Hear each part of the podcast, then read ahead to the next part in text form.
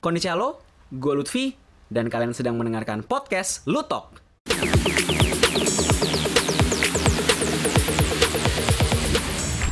Dan episode podcast season kedua episode ke-25 ini gue bakal membahas sebuah manga buatan Masashi Kishimoto Tenang, gue tidak membicarakan soal Naruto ya Karena Naruto sudah lewat dan Naruto sendiri sudah terlalu banyak yang membahas ya Terutama di salah satu website yang depannya DM, gue sebut aja Duniaku ya dan gue nggak akan membahas Naruto lagi karena gue juga belum sampai selesai membaca Naruto. Gue akan membahas salah satu komik yang dibuat dari oleh Masashi Kishimoto, sang mangaka Naruto yang uh, kelar membuat Naruto membuat sebuah karya baru yang bernama uh, Samurai Hachimaru, Samurai Eito, Hachimaru Den. Oh ternyata bacanya Samurai Eight ya, gue kira Samurai Hachimaru.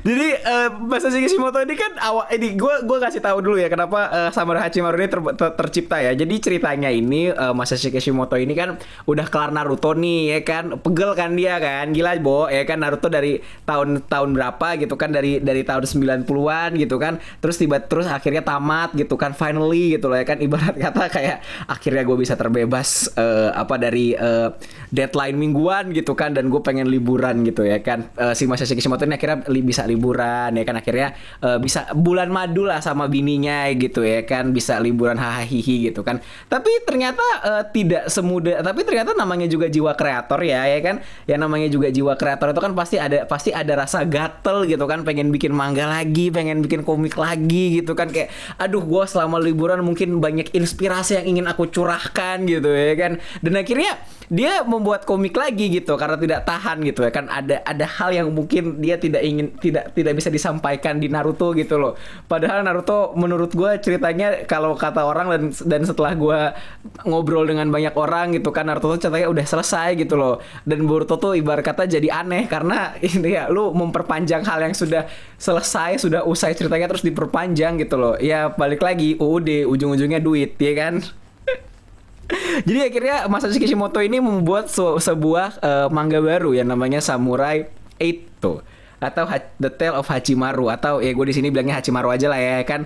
Uh, dan ini merupakan manga yang diterbitkan oleh Shonen Jump dan terbit pada tanggal 13 Mei 2019 sampai 23 Maret 2020 artinya uh, pas podcast ini diupload ini baru tamat seminggu yang lalu ya kan? Dan hanya berjalan selama 43 chapter dan uh, komik ini ya for your information ya kalau misalnya lo nggak tahu komik ini semenjak bab satunya dirilis ya itu tuh nggak pernah ya uh, keluar dari tiga terbawah popularitasnya Shonen Jump. Jadi komik ini tuh pembaca komik Shonen Jump menganggap komik ini tuh hancur gitu loh. Ini tuh komik ini tidak tidak menarik sama sekali gitu karena selama 43 minggu berturut-turut ya dia tuh nggak pernah keluar dari tiga terbawah gitu loh. Pernah keluar mungkin sekali gitu ya kan. Karena gue juga ngikutin weekly banget gitu kan uh, uh, weekly rankingnya seperti apa gitu. Tapi nggak pernah nggak pernah keluar dari tiga terbawah pokoknya posisinya di bawah terus nggak pernah di atas gitu loh. Masih mending di atas middle pun nggak masuk gitu ya kan. Di posisi tengah pun nggak masuk nih Hachimaru ini gini kan. Dan akhirnya karena nggak populer sampai tiga uh, sampai 43 minggu gitu kan akhirnya di cut gitu kan. Akhirnya akhirnya ceritanya diselesain gitu loh ya kan. Dan ini menurut gue aneh gitu ya kan. Sebenarnya gue berpikir gitu coy Masashi Kishimoto bisa bikin Naruto sampai 700 chapter gitu kan? Kenapa dia sekarang tidak bisa membuat uh, mengulang hal yang sama gitu ya kan. Kenapa dia itu tidak apa ya dia tidak bisa membuat Naruto berikutnya gitu di mana uh, saat orang merin saat saat masa si Kishimoto datang gitu kan um, mengumumkan kita ada project baru. Orang pasti akan berekspek kayak wah akhirnya ceritanya akan mungkin akan akan akan lebih akan lebih shonen gitu kan dengan dengan gaya-gaya sekarang gitu kan dengan gaya-gaya penceritaan yang modern gitu kan atau misalnya misalnya wah ini Naruto tapi for 2017 uh, 2020 gitu ya kan untuk zaman Rewa gitu ya kan dan ini salah satu penyebab terbesarnya kenapa uh, Hachimaru ini gagal gitu loh. Karena sebenarnya kalau misalnya lu baca uh, Samurai Hachimaru ini gitu kan Hachimaru ini ini sebenarnya Masashi Kishimoto tuh nggak bisa move on sama Naruto coy meskipun yang gambar itu orang lain ya yang uh, namanya ini adalah Akira Okubo gitu kan. Ya meskipun yang gambarnya orang lain tapi ceritanya kan dari Masashi Kishimoto kan dari Kishimoto Sensei kan. Ya ujung-ujungnya sama aja kayak Naruto desainnya balik lagi gitu ya kan. Lu lu kalau baca di manga ya baca baca komiknya ya ya ampun gue tuh sampai sampai ketawa gitu kan sama sama temen gue gitu kan. Kita ketawa bareng coy karena lihat nih ada Sasuke. Oh lihat nih ada Naruto. Oh lihat ada Naruto versi udah jadi Hokage. Karena itu emang ada di komik ya dan gue kayak ya ampun lazy karakter desain ya jadinya ya tapi permasalahan tapi itu hanyalah satu uh, permasalahan dari sekian banyak per, ada sekian banyak masalah yang ada di Hachimaru Den gitu. Dan ini membuat kenapa uh, serial Hachimaru Hachimaru ini ini tuh cuma sampai 43 chapter gitu loh. Coy masa si Kishimoto bikin komik cuma sampai 43 chapter? Berarti ada yang salah kan? Cuma sampai bertahan 43 minggu doang gitu. Dan gak pernah keluar dari jurang terbawah popularitas Shonen Jump jadi orang-orang orang-orang pembaca pembaca shonen aja menganggap komik ini tuh jelek sebenarnya gitu loh ya kan makanya nggak ada yang vote gitu. Kenapa gitu ya kan? Gue akan sedikit berpendapat ya kenapa Hachimaru ini sangat-sangat ampas dan tidak bisa seperti Naruto yang chapternya ini sampai sampai 700 dan dan dan dan dan dia bisa ketemu fraksi A, fraksi B, fraksi C, D, E, F, G, H, I, J, K, L, M, N gitu kan. Ternyata si ini si misalnya uh, ternyata Konohagakure punya musuh. Nah, musuhnya musuhnya si Konohagakure punya musuh lagi. Terus ternyata itu semua mereka berkomplot nggak bisa sampai segitu ternyata Hachimaru gitu ya kan dan kenapa jadi ini gue bakal breakdown ya yang pertama adalah world buildingnya kebanyakan dan memusingkan jadi waktu itu ternyata oh ternyata ya gue baru tahu juga gitu kan setelah gue uh, apa namanya dapat uh, komen ya dari uh, anak dunia aku gitu kan. Ternyata Kishimoto Sensei itu tuh bener-bener fansnya world building coy. Jadi dia tuh mungkin mindsetnya adalah dia bikin world buildingnya dulu yang gede ya kan world buildingnya dulu yang luas. Nah baru ntar ceritanya di belakangan gitu ya kan Oke lah itu berhasil di Naruto gitu ya kan. Karena karena sebenarnya Naruto itu juga sebenarnya bisa sukses seperti sekarang karena faktor editornya yang tegas gitu ya kan. Jadi editornya dia ini emang ngekat ngekat banget world buildingnya Naruto biar nggak langsung lu ceritain semuanya dalam satu paket gitu dalam dalam satu dua tiga chapter gitu ya kan. Karena itu akan memusingkan pembaca gitu ya kan. Dan memang waktu itu waktu gue pernah baca juga salah satu artikel bahwa Naruto itu memang itu tuh heavily edited banget sama editornya gitu ya kan. Sampai sampai Naruto itu awalnya rubah tok akhirnya jadi orang gitu ya kan. Terus abis itu juga ceritanya uh, pokoknya ceritanya ceritanya berubah banget gitu dari yang Naruto yang kita lihat. Tapi itu berhasil gitu loh. Karena bantuan kerja sama sama sang editor lah akhirnya Naruto bisa mempunyai fondasi yang kuat seperti sekarang. Dan akhirnya pas udah makin laku makin laku ya udah Masashi Kishimoto silahkan bikin world building gitu loh ya kan. Jadi world buildingnya itu tidak dibangun di depan tapi dibangun tuh di ending. Jadi world buildingnya itu di Naruto itu seakan-akan menjadi sebuah added value yang sangat-sangat menarik gitu loh ya kan ibarat kata uh, lo dikasih nih makanan uh, nasi pakai garam itu kan base doang ya nasi pakai garam. Eh ternyata ada lauk. Lauknya misalnya pertama-tama uh, nasi garam itu lauknya ada tempe lah ya. Tempenya juga dikasih garam. Wah tambah enak gitu ya kan uh, abis itu tempe garam itu ternyata lo dikasih lagi ayam wah makin sedap gitu kan makin makin lo nambah lagi. Terus ayam itu dikasih minyak wijen. Waduh lu makan nafsu makan lo tambah lagi gitu. Sama analoginya seperti itu gitu. Jadi kalau misalnya nih lo langsung dapat makanan nasi tempe ayam minyak wijen uh, terus sayur sop lo harus makan dalam waktu bersamaan. Muntah coy enak pasti lu gitu ya kan kayak eh gitu kan. Yang ada nggak nikmat gitu rasa masakannya rasa makanannya gitu. Hal yang terjadi ini tidak uh, hal hal yang sama ini terjadi juga di Samurai Hachimaru ya kan. Hachimaru sendiri ya world buildingnya itu itu sudah dimunculkan di tiga chapter pertama. Dan lo tahu tiga chapter pertama itu isinya berapa halaman? 130 halaman di mana-mana ya komik shonen jam komik shonen jam itu kan 50 halaman ya pembukanya 60 halaman. Itu spesial mungkin ya karena Kishimoto sensei jadi harus ditempatkan di tempat yang spesial gitu kan. 75 halaman dan di tiga chapter awal yang halaman lebih dari 100 itu itu juga world buildingnya gue nggak tahu apa gitu loh. World buildingnya masih nggak jelas dan ini sangat-sangat rancu gitu temanya kayak Oh iya temanya juga sama gitu ya kan. Menurut gue universe dan teorinya tuh jelimet jadinya gitu loh dan menurut gue di tiga chapter pertama ya komik ini gagal menyampaikan pesannya apa. Kenapa Hachimaru bisa seperti ini? Apa sih motivasi terbesar Hachimaru ke, um, ingin jadi samurai? Apa sih momen emosionalnya gitu ya kan? Karena begini di setiap chapter Shonen Jump kalau misal lu ulik ya yang bagus dan yang bertahan lama ya semuanya ya itu tuh dari chapter 1 tuh udah langsung ada rasa emosional yang membuat pembaca tuh akhirnya baca lagi baca lagi. Contoh ya contoh contoh. Naruto episode satunya emosional. Langsung dikasih tahu bahwa uh, Naruto dulunya adalah seorang pembunuh ya seorang seorang pembu apa uh, seorang pembu dibully karena dia membunuh orang tuanya. Dan kita merasakan emosional karena ada ada salah satu gue lupa ya kan uh, eh, gue lupa ada salah satu uh, seniornya gitu yang berkata bahwa gue juga sama uh, dikucilkan seperti lo tapi gue bisa kayak gini kok bisa bisa jadi seorang ninja juga gitu ya kan. Eh, dan akhirnya akhirnya Naruto punya fate gitu ya kan bahwa dia juga bisa jadi seorang ninja meskipun dia di, meskipun dia dibully karena dia dianggap pembunuh gitu ya kan. Itu emosional. Gue sampai terharu bacanya gitu loh. Itu Naruto ya.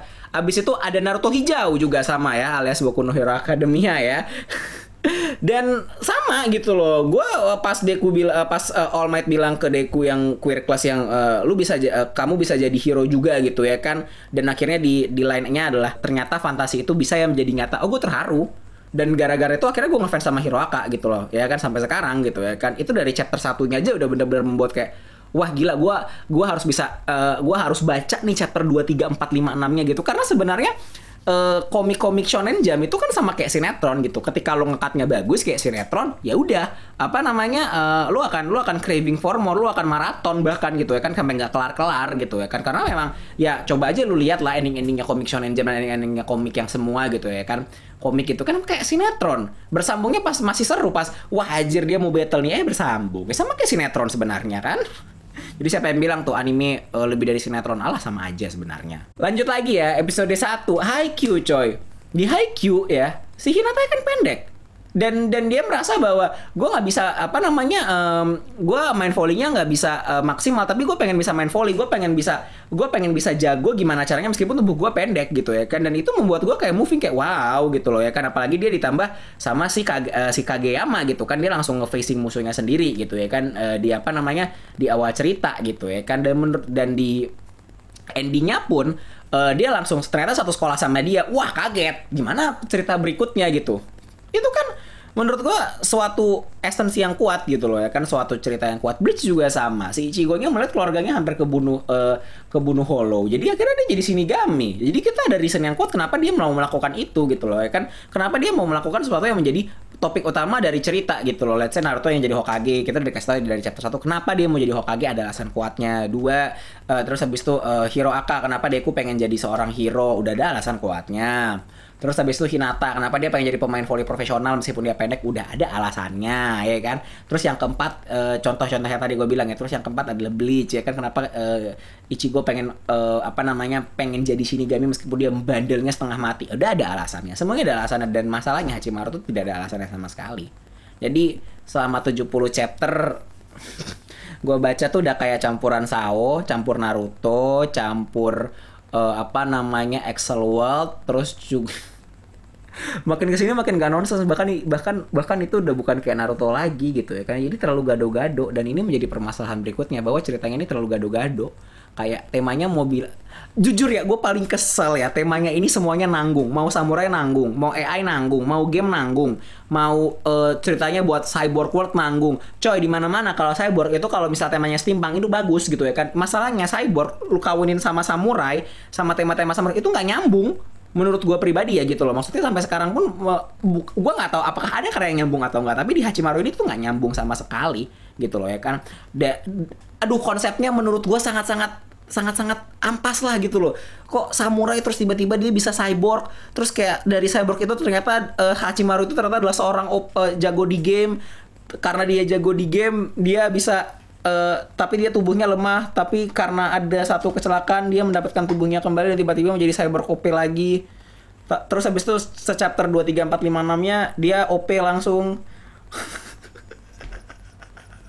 Coy ini bukan no game no life. Ya Allah gitu kan gue bacanya kesel gitu sebenarnya baca Hachimaru ini karena kayak wow ini karakter terlalu OP sekali dan sangat-sangat tidak shonen jam gitu sebenarnya gitu ya kan ataupun kalau misalnya karakternya OP ya karakternya jago banget dia harus di nerf gitu loh.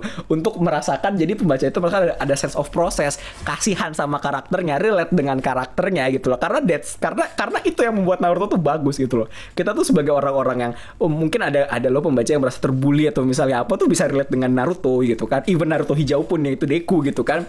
Even Hinata pun yang misalnya ah gue pendek tapi bisa kok uh, main volley uh, smashnya tinggi gitu kan. Bisa gitu ya kan dan memang di ending kan Hinata juga akhirnya menjadi seorang ninja karena dia mainnya speed kan gitu kan sama orang Brazilianya Brazil kan. Nah bisa gitu loh. Iya kan?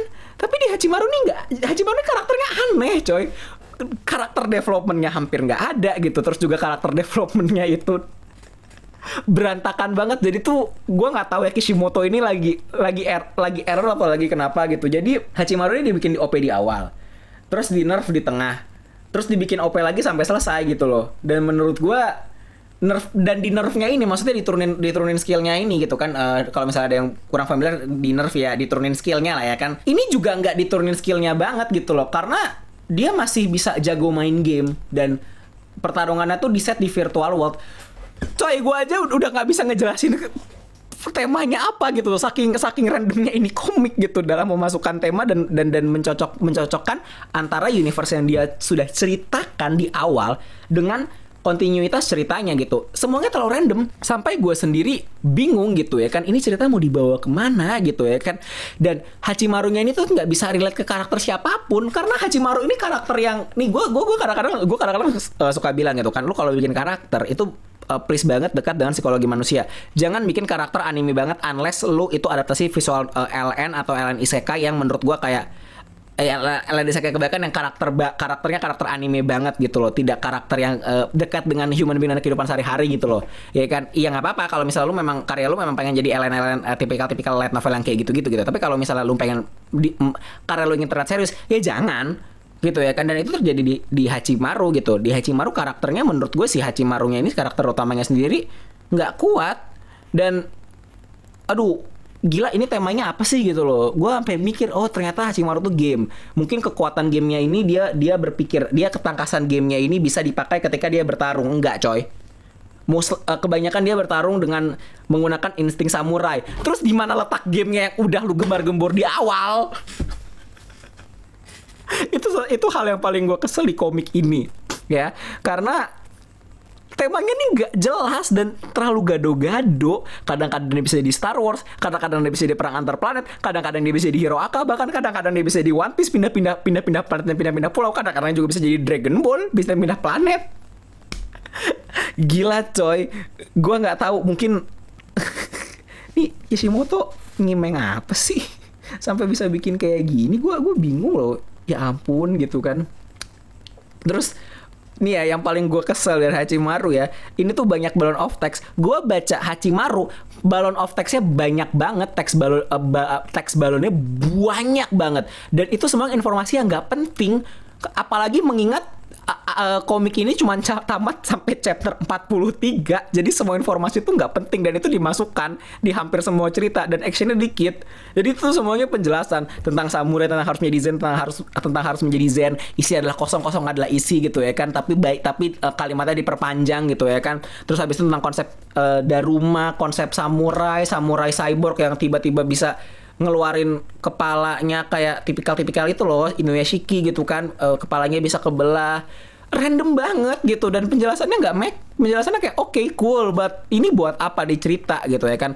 Gua baca Hachimaru mata gua capek seriusan karena teks balonnya banyak banget. Udah mat, mata gue lebih mat, udah mata gue capek konten yang nggak ada gitu ya kan. Dan jujur gue baca Shimaru tuh lebih capek daripada baca buku non fiksi dan bisnis gitu loh. Oke lah buku buku bisnis dan buku non fiksi itu berat karena memang itu harus gue cerna dulu apa gitu ya kan. Ya makanya mata gue sering ngantuk kalau baca gitu kan. Tapi itu at least ada ilmunya dan itu bisa gue cerna. Ini Hachimaru udah gue cerna pun ya nggak masih nggak make sense gitu ya kan kayak ini apa sih? Masa mata gue capek baca beginian? Apalagi di chapter-chapter uh, pertengahan tuh ya 10, 11, 12 oh capek banget coy bacanya. Teks balonnya banyak banget. Pace cerita dari Hachimaru ini wah berantakan.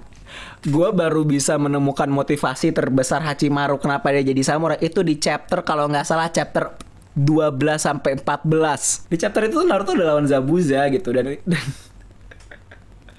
gue gak tau Naruto lawan Zabuza itu chapter berapa ya tapi kayaknya chapter-chapter segitu deh ya kan. Atau mungkin bisa lebih kalau nggak salah.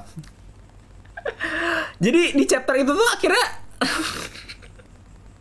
gini nih Naruto pas lawan Zabuza ya itu itu sebenarnya untuk menguatkan uh, menguatkan beliefnya Naruto. Bahwa dia menjadi Hokage dia ingin banget uh, menjadi Hokage agar dia bisa melindungi masyarakat even anak kecil sekalipun. Ya kan? Tapi itu sudah ada niatan sebelumnya bahwa dia ingin menjadi Hokage. Terlepas dia dari uh, pengen jadi Hokage agar dia tidak dibully oleh masyarakat uh, desanya gitu ya kan? Nah kalau misalnya si Hachimaru ini ya meskipun motivasinya udah ada ya apa ya meskipun motivasinya sudah ada di situ tapi nggak tapi nggak nyambung dengan apa yang dia dia dia ingin cerita apa apa yang apa yang diceritakan dari chapter satu gitu loh ya kan?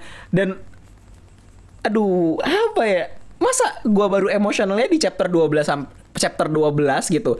Terus chapter 1 sampai 10-nya udah bikin mata gua pegal terus akhirnya gua mata gua terus habis itu mata gua tiba-tiba uh, emosional, ingin menangis tapi gini loh. Gua waktu baca ya, wah gua terharu coy, pengen menangis tapi kesel gitu. Jadi gua nggak jadi gua membacanya tuh nggak nggak nggak sedih gitu kayak ya ya anjir gitu kan. Masa gua baru bisa merasakan emosinya di chapter 12 14 gitu ya kan di mana di semua komik jam yang bagus itu adalah dari chapter 1 pun aja lo udah bisa merasakan emosinya gitu loh ya kan oke okay lah meskipun oke okay, kan kalau misalnya Uh, contohnya lagi deh Dr. Stone. Dr. Stone meskipun uh, Dr. Stone di chapter 1 itu sudah memberitahukan bahwa kita anime ini kita karya ini semangat, tidak ada kesedihan coy. Semangat, semangat, semangat, semangat, semangat. Pokoknya kita build build build build terus nemu sesuatu eureka moment itu kan semangat gitu. Dan itu sudah diceritakan di uh, chapter satunya Let's Get Excited. Pesannya udah ada. Hachimaru 73 chapter tidak ada seperti itu, ya nggak ada ya namanya uh, ayo kita uh, semangat gitu kan. Terus abis itu aku ingin menjadi sebuah ini. Kagak ada coy. Dia pengen menjadi sebuah sa seorang seorang samurai karena dia jago main game.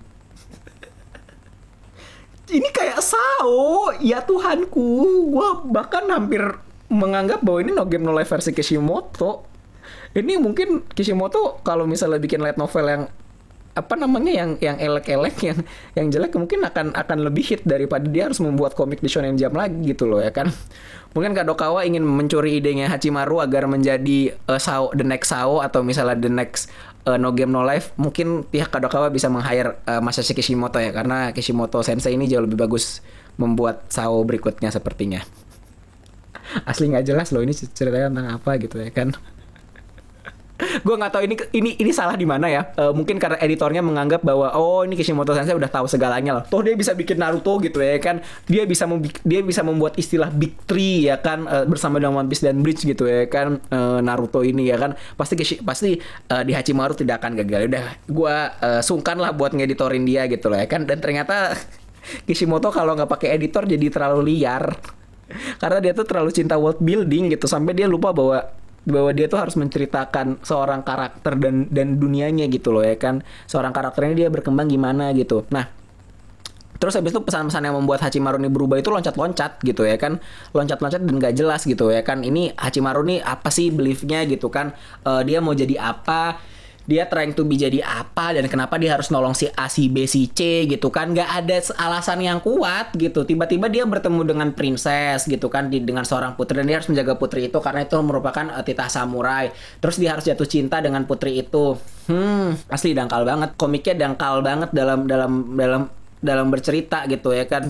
Uh, aduh gini loh gini loh. Yang gue tahu ya konsep-konsep samurai itu konsep samurai dan konsep segala macem konsep samurai itu itu itu sebenarnya filosofis dan itu bisa sangat sangat-sangat dipakai di kehidupan yang sekarang gitu ya kan konsep-konsep samurainya gitu. Apalagi konsep-konsep soal Zen dan Buddhism yang menurut gue sangat lekat ya yang namanya dengan kehidupan samurai dan Taoisme juga itu bagus sebenarnya gitu ya kan.